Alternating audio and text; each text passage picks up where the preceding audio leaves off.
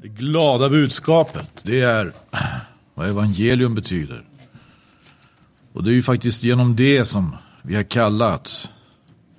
Och Galaterbrevet är ju ägnat åt det här. Förklara det här. Och vi ska titta lite vidare i just eh, Galaterbrevet. Det finns en vers i Galaterbrevet som jag tycker eh, som få lyckas sammanfatta hela frälsningshistorien praktiskt taget. Och det är i, i Galaterbrevets tredje kapitel. Eh, det står så här, vi kan gå till tredje kapitlet och läsa. Eh, jag läser, jag läser trettonde versen också. Eh, Kristus friköpte oss från lagens förbannelse när han blev en förbannelse för vår skull. Det är ju skrivet, förbannade var och en som är upphängd på trä. Och så kommer den vers jag tänkte på. Vi friköptes för att den välsignelse som hade givits åt Abraham skulle i Jesus Kristus komma också hedningarna till del så att vi genom tron skulle undfå den utlovade anden. Har ni fått i en enda vers så mycket någon gång som den här versen erbjuder?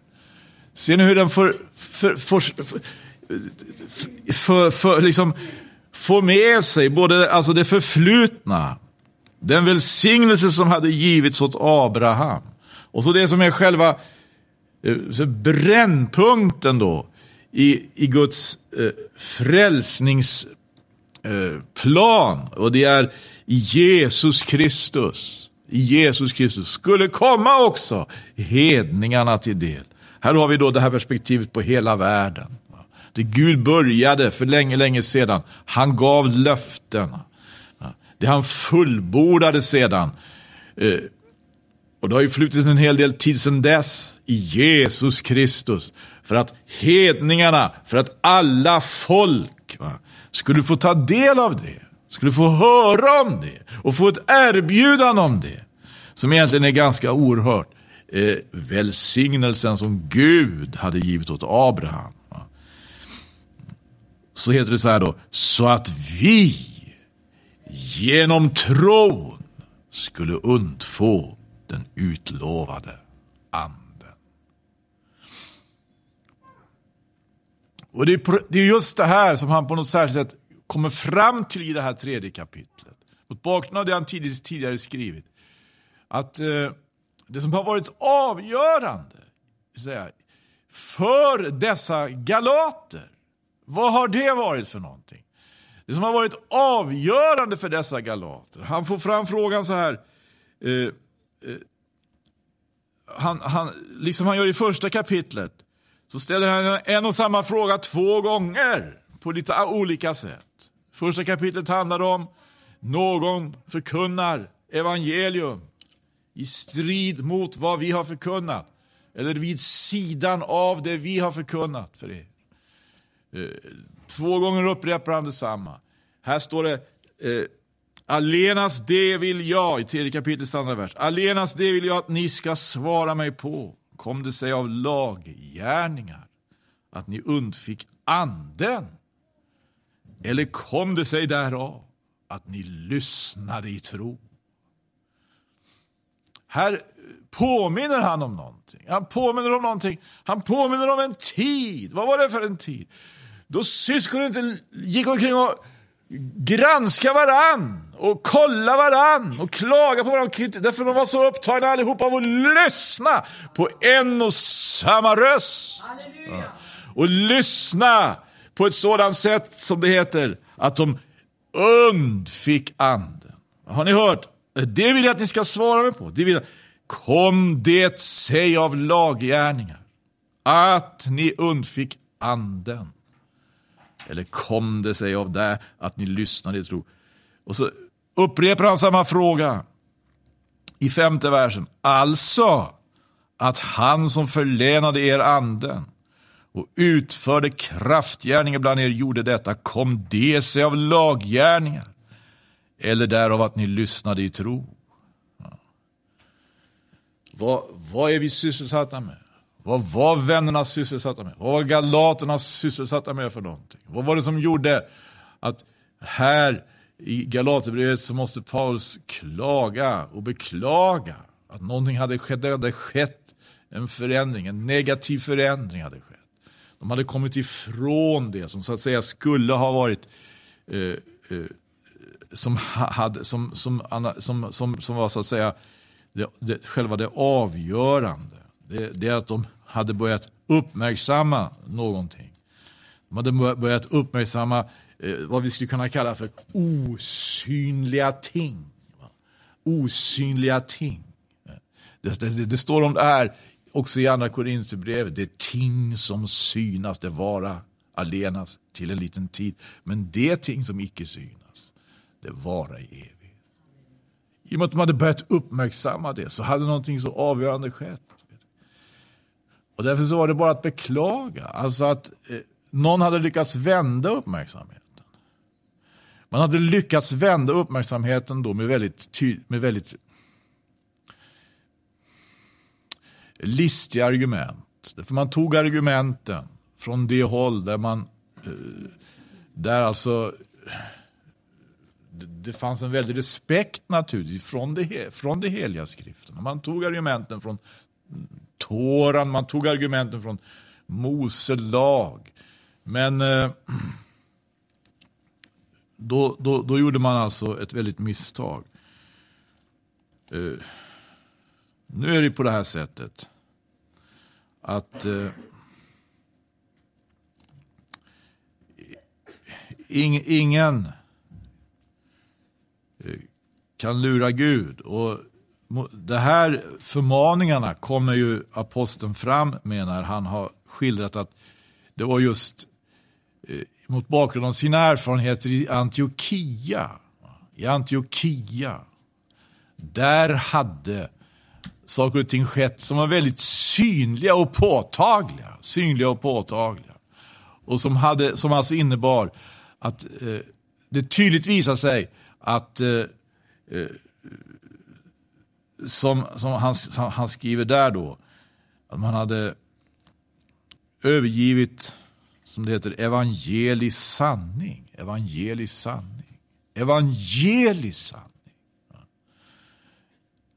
Det vill säga det som de hade hört, det som hade börjat i deras liv, det borde få visserligen en fortsättning.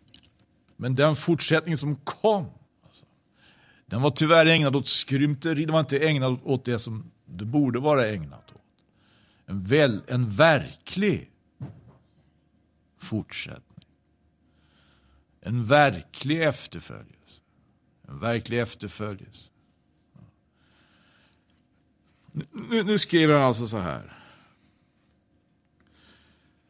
Vi friköptes för att den välsignelse som hade givits åt Abraham skulle i Jesus Kristus komma också hedningarna till del. Så att vi genom tron skulle undfå den utlovade anden. Gode Gud. Få verser som jag tycker får med så väldigt mycket. Det finns en annan vers som jag tänker på som också som kanske kan ta upp tävlan och det är ju det som står i Apostlagärningarna. I det andra kapitlet och aposteln Petrus predikar på pingstdagen.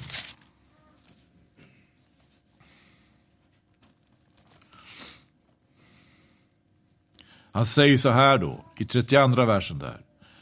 Denne Jesus har nu Gud låtit uppstå. Därom kan vi alla vittna. Och sedan han genom Guds högra hand har blivit upphöjd och av Fadern undfått den utlovade helige anden har han utgjutit vad ni här ser och hör. Det är alltså meningen med det som har skett.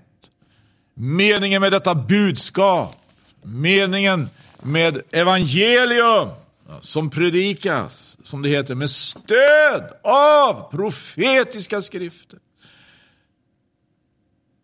Meningen är ju att den heliga ande ska få utrymme. Meningen att den helige ande ska få utrymme. Meningen att den helige ande ska få utrymme i hjärtana. Den helige ande ska få utrymme i församlingen. Den helige ande ska få utrymme på det sättet i, så att säga, på jorden. När den helige ande får utrymme. När den helige ande får, när den helige ande får tala. När den helige ande får leda. Det är ju det som innebär att det inte sker några avvikelser. Utan de som har Lyssna som det heter här, i tro. De som har börjat. Det var ju det här som var på särskilt sätt eh, problematiken. Och det, det, därför så skriver han så här.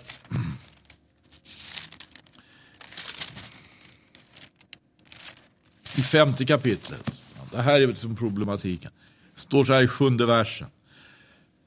Ni begynte ert lopp väl. Vem har nu lagt hinder i er väg så att ni inte mer lyder sanningen? Ni begynte ert lopp, så kan det vara, så kan det gå. Ni begynte ert lopp väl. Vem har nu lagt hinder i er väg så att ni inte mer lyder sanningen? En god början, en god början, men var är fortsättningen? En god början, men var är fortsättningen? Här i Galaterförsamlingen så var det ett, eh, var hela, så att säga, fortsättningen, hela den fortsatta efterföljelsen var ju äventyrad. Väldigt allvarligt, på ett väldigt allvarligt sätt. Så allvarligt att vi, vi har de här utropen i tredje, just i tredje kapitlet. Va? Ni dåraktiga, ni oförståndiga, gode Gud.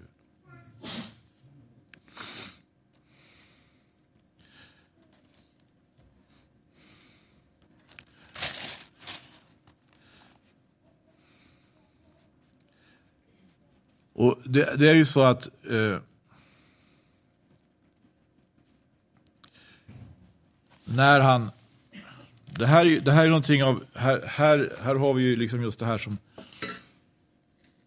är vidden i, i, i det budskap som vi har i Nya Testamentet.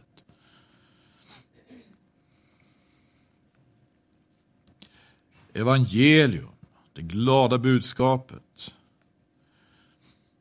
Det, det, det, står så här just också i tredje kapitlet i Galaterbrevet. Det här evangeliet det har ju naturligtvis det har ju sin bakgrund. Det har ju sin bakgrund. Det finns ju djupt förankrat i den heliga historien. Och det är just det här som, eh, som kommer fram i den åttonde versen. Det står så här där att Eftersom skriften förutsåg, eftersom skriften förutsåg att det var av tro som hedningarna skulle bli rättfärdiggjorda av Gud så gav den i förväg åt Abraham detta glada budskap. Så det här återkommer han till hela tiden. Detta glada budskap. Detta evangelium, vad är det för någonting? Redan Abraham fick höra detta glada budskap. I dig skall alla folk varda välsignade. I dig skall alla folk bli välsignade. En välsignelse för alla folk. Men den kommer ju, vet vi. Den kommer eh, på en, på en väg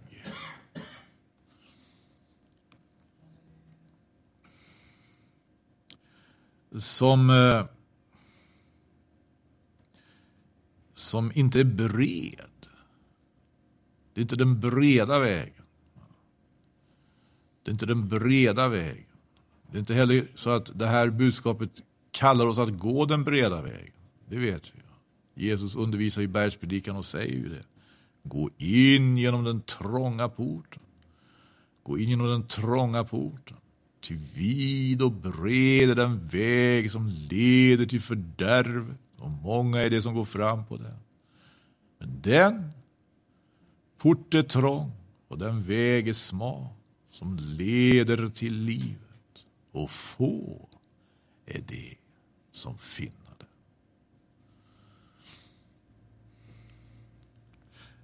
Eh, någonting här alltså av det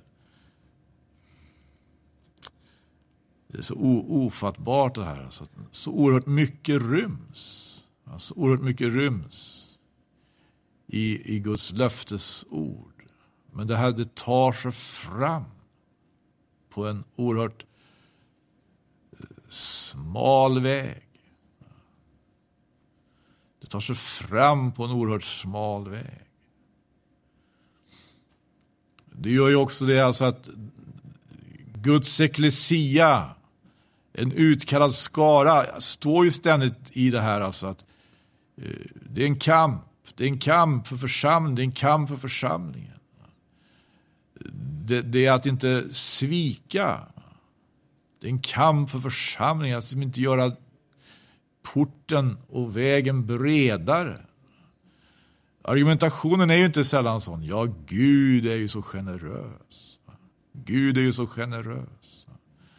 Varför ska inte vi då, då vidga på allt sätt, slå upp portarna på allt sätt. Släpp in alla. Säg, säg inte att någon måste omvända sig för allt i världen. Alla är Guds barn. Alla är Guds. Säg inte att någon måste bli, alltså, någon måste låta sig omskäras i sitt hjärta. Säg inte att någon måste bli född på nytt. Nej, nej. Alla är Guds barn, alla är Guds barn. Gud är så generös, Gud är så generös. Och så, och så gör man alltså Guds, Gud är visserligen generös, men så förvänder man det här på något vis.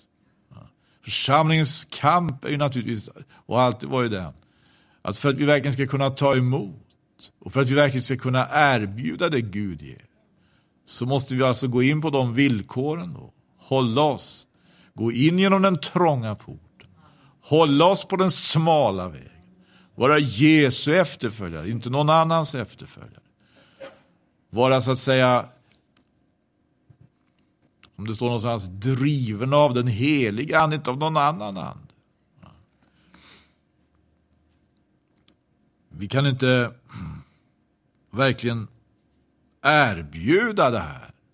Vi kan inte vara medel eller instrument för Gud att nå andra människor med det han verkligen vill nå andra människor med. Om vi inte faktiskt accepterar de villkor, vi måste överlämna oss i hans händer. Det måste finnas en herre, det måste finnas en Gud som, som bestämmer. Och det ska inte vara någon annan än han då. Då får vi lyssna på honom, inte bara det första han har att säga, utan även det andra. Och sen det tredje och sen det fjärde. För, för det är inte det vad det här handlar om. Jesus stod ju med de elva lärjungarna på det berg i Galileen dit han hade bjudit dem att gå. Vad sa han för någonting? Mig är given all makt i himlarna och på jorden. Gå för den skull ut och gör alla folk till lärjungar. Döpande dem i Faderns och Sonens och den helige Andes namn, lärande dem att hålla allt vad jag har befallt er. Och se, jag är med er alla dagar in till tidens ände. Missionsbefallningen. Hålla allt, alltså från det första till det sista. Från det första till det sista. Hålla allt vad jag har befallt er. Men det, problemet är ju det, i Galaterförsamlingen att man börjar lyssna till Jesus. Så man hör det första från Jesus, kanske det andra också. Men så kommer det tredje och då lyssnar man inte längre till Jesus. Då lyssnar man till någon som är lik Jesus, eller som är lik aposteln Paulus, som det ser ut att vara detsamma, men det är inte detsamma. Man måste höra honom på det, på den, på, i det tredje också. I det fjärde. Man måste höra honom hela vägen.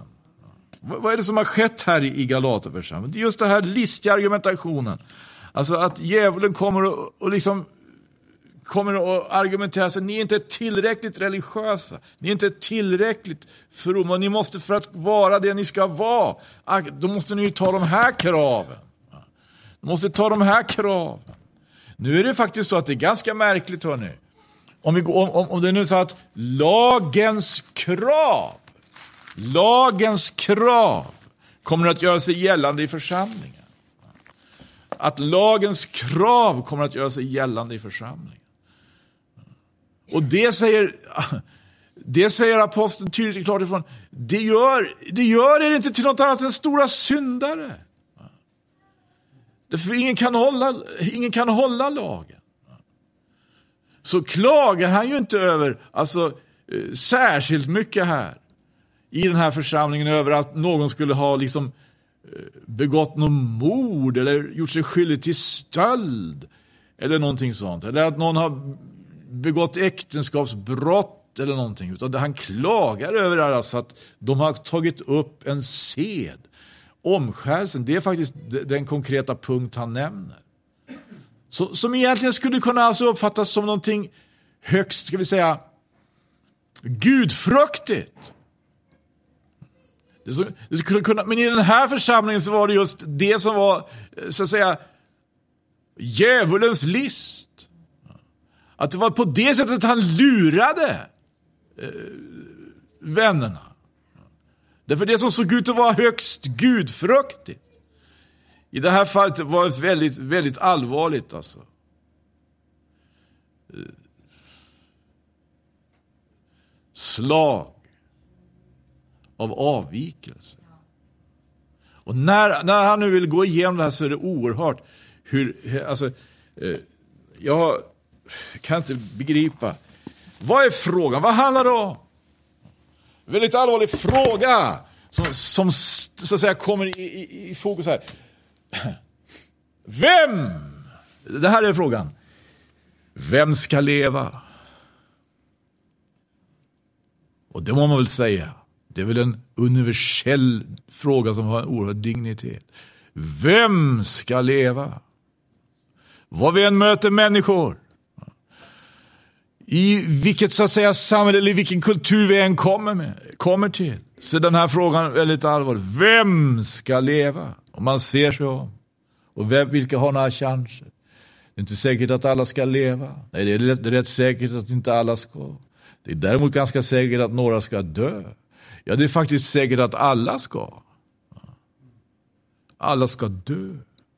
Vi, no, någon, och så dör en och annan. Vi vet det, det, det är så. Det är människan förelagt att en gång dö och sedan dömas. Och vad är det egentligen? Så att säga, så, så, vad, vad, är livet? Och vilka lever? Vem ska leva? Den här frågan svarar.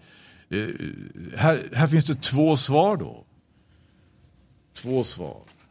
Och han som har skrivit Galaterbrevet, han tar fram båda svaren. Det står så här.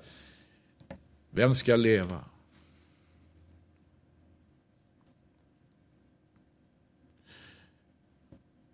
Aposteln understryker, den rättfärdige ska leva. Hur? Hur ska den rättfärdige leva? Av tro. Av tro. Den rättfärdige ska leva av tro. Och så påminner han om Abraham. Och så säger han, det finns ett annat svar också, skriften säger, den med avseende på lagen, att den som gör efter dessa stadgar ska leva. Genom dem. Den som handlar, den som gör efter dessa stadgar ska leva genom dem. Det här är tydligt och klart vad Mose lag säger. Och det är klart, eh, då det är nu frågan om en så allvarlig sak som livet. Då det är frågan om så allvarlig som, vad är, vad är själva livet? Och lagen, Mose lag säger någonting om det. Det är klart att nog kan det göra intryck på oss. Väldigt allvarligt. Det står ju här. Den som gör efter dessa stadgar. Så här står det.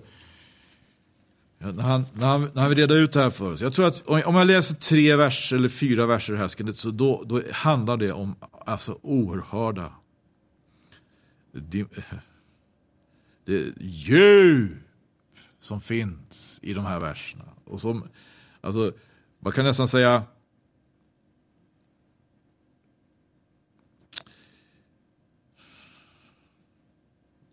Så man rör sig på havsbotten så är det ju oerhört fantastiska saker man kan få se kanske.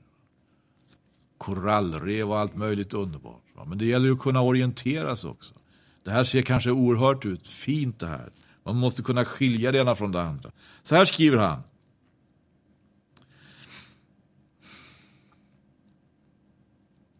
När han, har skrivit om det här. I dig skall alla folk vara välsignade.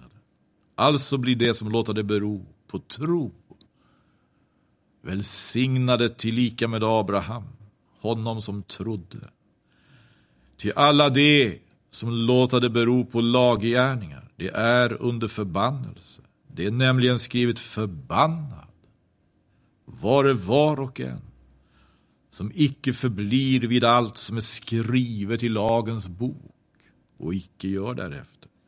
Och att ingen i kraft av lag blir rättfärdig inför Gud, det är uppenbart eftersom det heter den rättfärdige ska leva av tro. Men i lagen beror det icke på tro, tvärtom heter det den som gör efter dessa stadgar ska leva genom dem.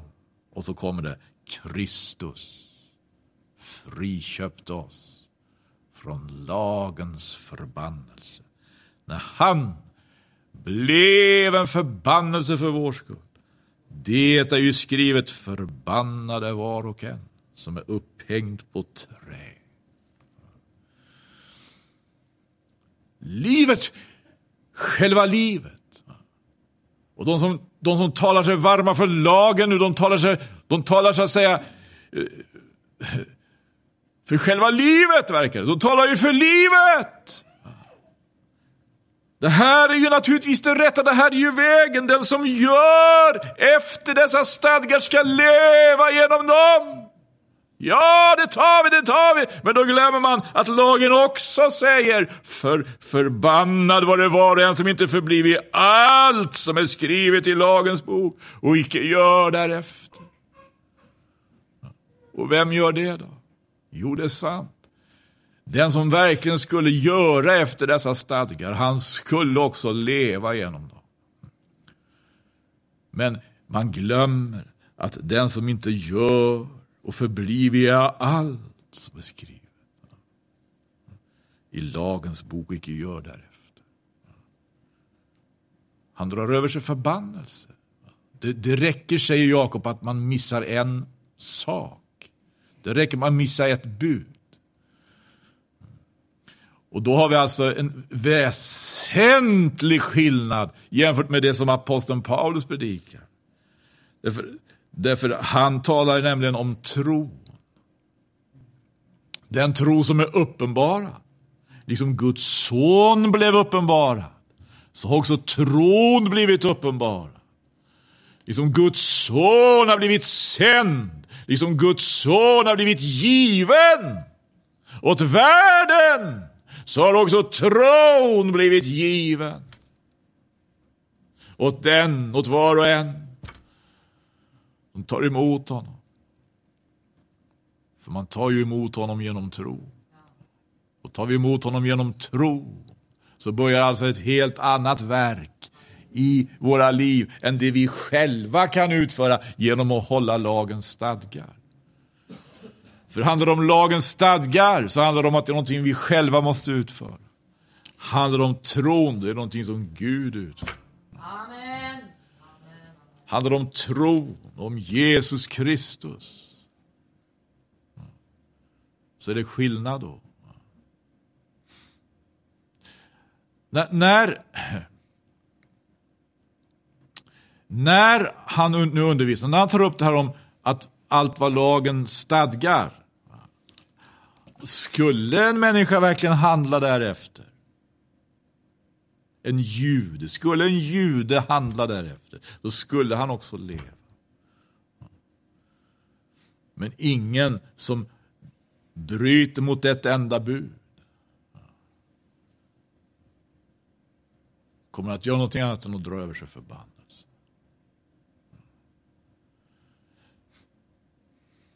Två olika sorters liv. Alltså. Det liv som lagen erbjuder och det liv som tron erbjuder. Hur ser det ut med de här olika? Det finns två olika sorters liv. Vi kan säga att det finns två olika sorters liv på många sätt. Bibeln talar om ett hundliv. Och den talar om ett lejonliv. Ett lejon lever ett lejonliv och en hund lever ett hundliv. Och vilket liv skulle du föredra, eller jag? Du vet att det är bättre att vara en levande hund än att vara ett dött lejon. Eh, säger gammal beprövad erfarenhet om vi går till Salomos predikare. Men faktiskt aposteln Paulus talar sig varm för ett kort lejonliv. Hellre ett kort lejonliv eller ett, än ett långt hundliv. Hellre ett kort lejonliv. Hellre ett kort lejonliv på jorden. Hellre ett kort liv med judalejon här i världen än ett långt hundliv utan honom. Eller som det kommer fram och heter sen senare i Galaterbrevet. Det finns två berg. De talar om två förbund.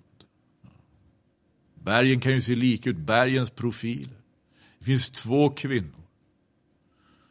De kan kanske också vara lika.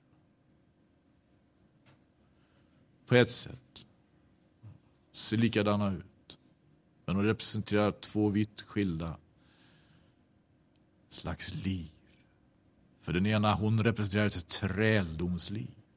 Och det du, det är inte detsamma som ett liv i frihet. Och det var den andra representerar.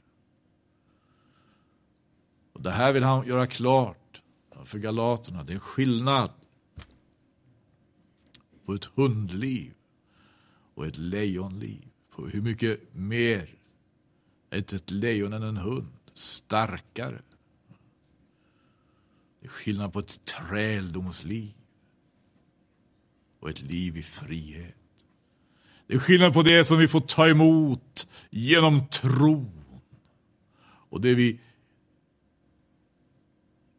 tror eller inbillar oss att vi kommer fram till genom att hålla lagens alla stadgar och bud. Men det här är så allvarligt, han, han, han, han kommer också in på det här.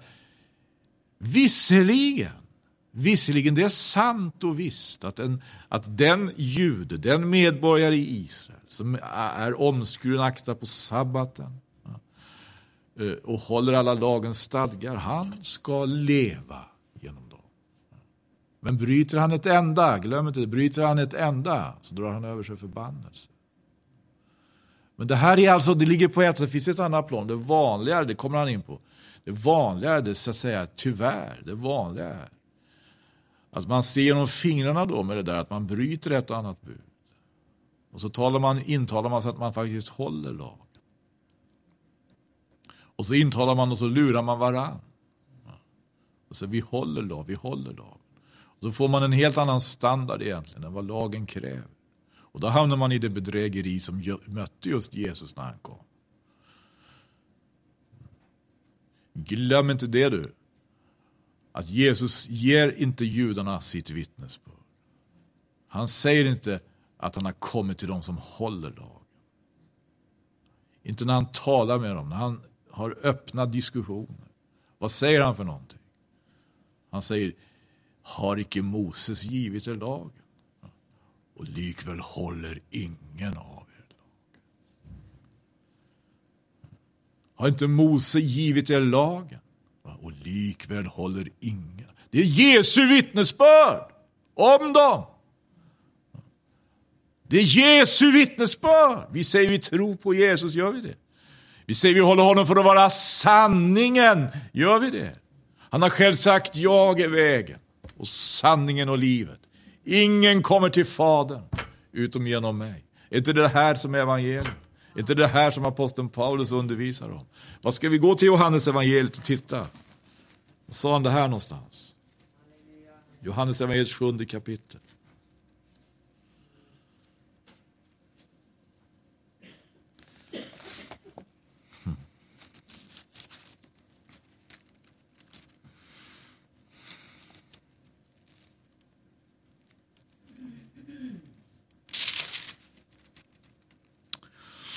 Vad säger han där? Kan vi läsa från 16 vers. Min lära är icke min. Man hade nämligen frågat varifrån har denne sin lärdom? Han som inte har fått undervisning. Jesus svarade dem och sa min lära är icke min utan hans som har sänt mig. Om någon vill göra hans vilja så skall han förstå om denna lära är från Gud eller om jag talar om mig själv. Den som talar av sig själv, han söker sin egen ära. Men den som söker dens ära som har sänt honom, och Herre hjälp oss söka dens ära som har sänt oss. Den som söker dens ära som har sänt honom, han är sannfärdig och orättfärdighet finns icke i honom. Har icke Moses givit er lagen och likväl fullgör ingen av er lagen. Varför står ni för döda? Har icke Mose givit er lag? Och likväl fullgör ingen. Ingen av er fullgör lagen. Om ingen fullgör lagen, om ingen fullgör lagen, om alla på ett eller annat sätt bryter mot något, om så bara det endaste, enda budet, så drar han över sig förbannelse. Och det var det de gjorde.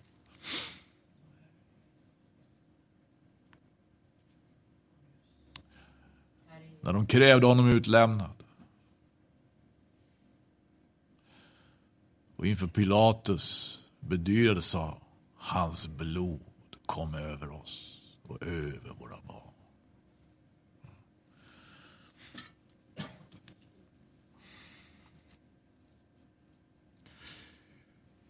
Men, åter till Galaterbrevet.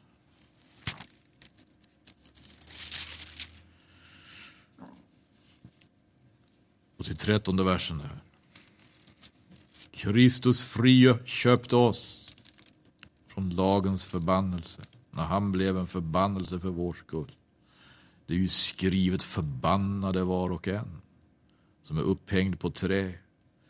Vi friköptes för att den välsignelse som hade givits åt Abraham skulle Jesus Kristus komma också hedningarna till det.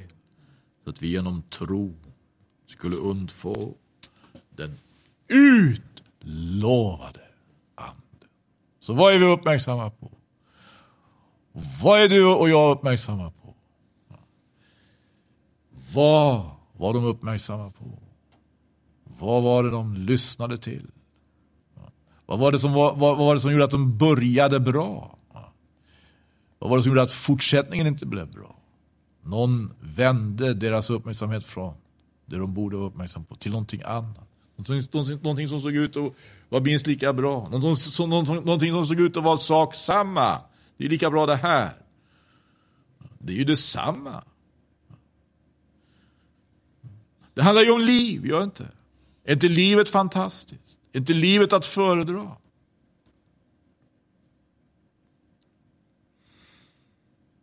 Men det finns som sagt då två olika sorters liv i det här fallet.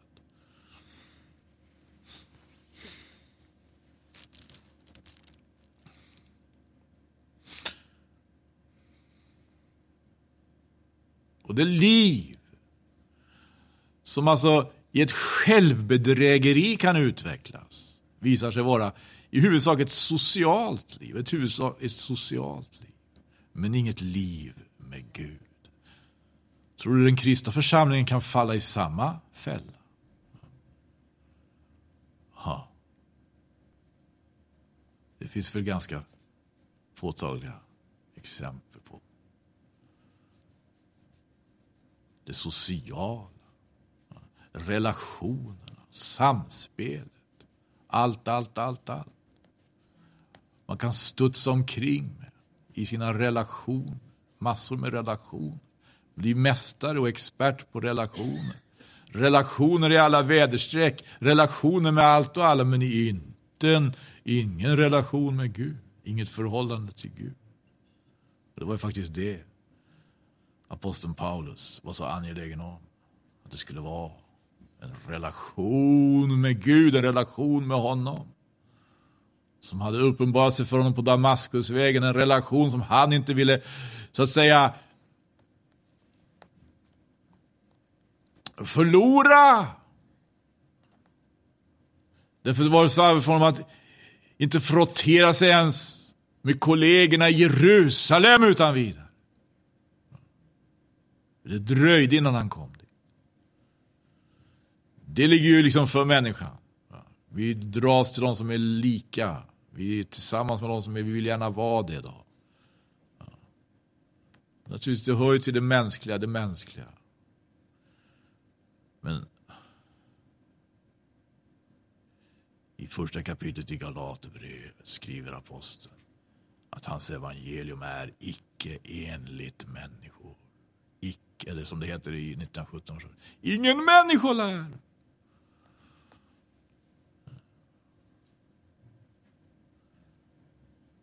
Anpassar sig alltså inte till människor. Så att det vara så att det är avgörande att det här är någonting som människor tycker om. Det vi tycker om.